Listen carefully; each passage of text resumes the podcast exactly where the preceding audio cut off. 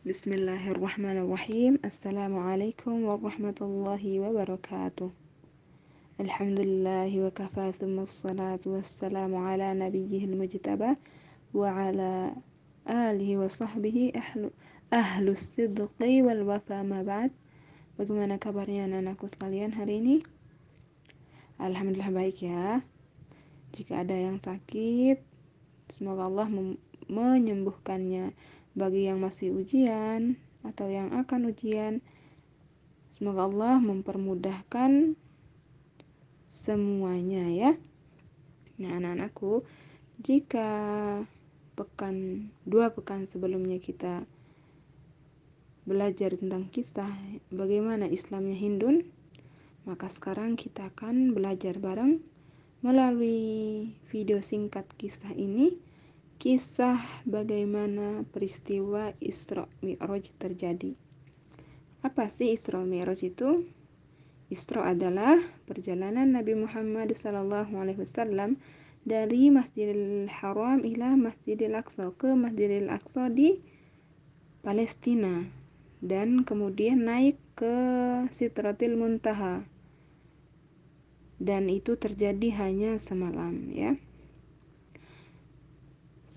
uh, kisah Isra Miraj dapat uh, kita temukan di Quran di surat Al-Isra ayat 1 dan surat An-Najm ayat 1 sampai 7 dan masih banyak hadis yang membicarakan tentang Isra Miraj ya.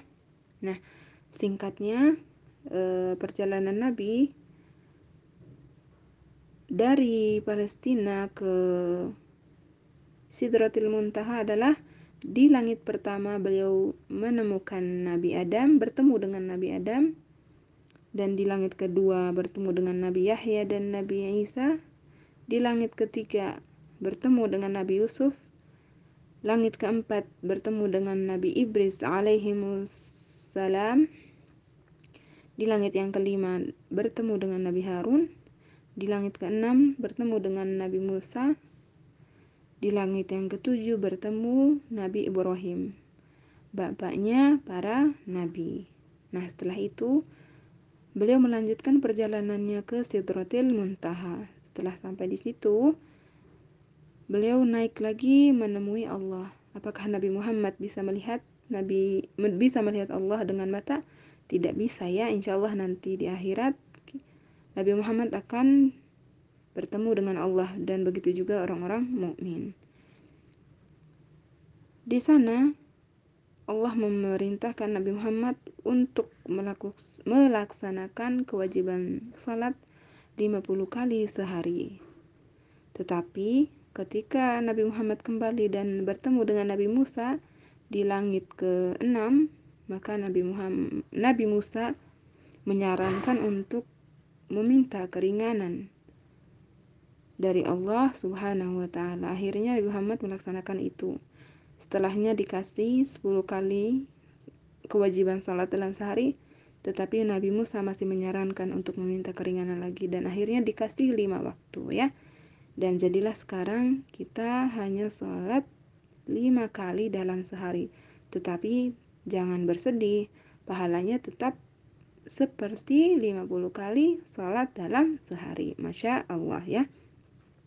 Nah, itulah uh, pembahasan singkat ya sebelum anak-anakku nonton kisahnya ya. Ada pun hikmah dari perjalanan ini adalah Ustazah hanya menyebut dua. Pertama adalah kisah ini terjadi, perjalanan ini terjadi untuk uh, menghibur Nabi Muhammad karena beliau telah mengalami musibah yang hebat dan sebuah penghormatan juga untuk Nabi Muhammad ya.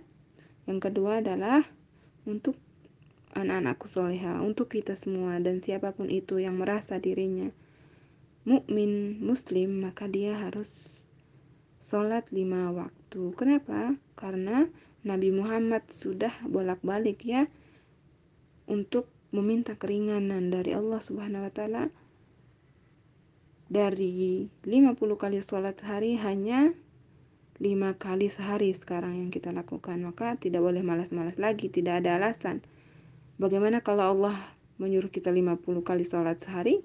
Apakah kita sanggup? Tentu saja tidak ya. Tetapi sekarang Allah memberi keringanan sholat hanya lima kali tetapi pahalanya tetap setara dengan 50 kali sholat dalam sehari. Nah begitu anak-anakku ya uh, silakan menikmati kisahnya. Semoga anak-anakku semua bisa mengambil hikmah dari kisah ini. Kita tutup. Alhamdulillahirrabbilalamin. Subhanakallahumma bihamdika. Asyadu an la ilaha illa anta astaghfiruka wa atubu ilaik. Ila liqa. Assalamualaikum warahmatullahi wabarakatuh.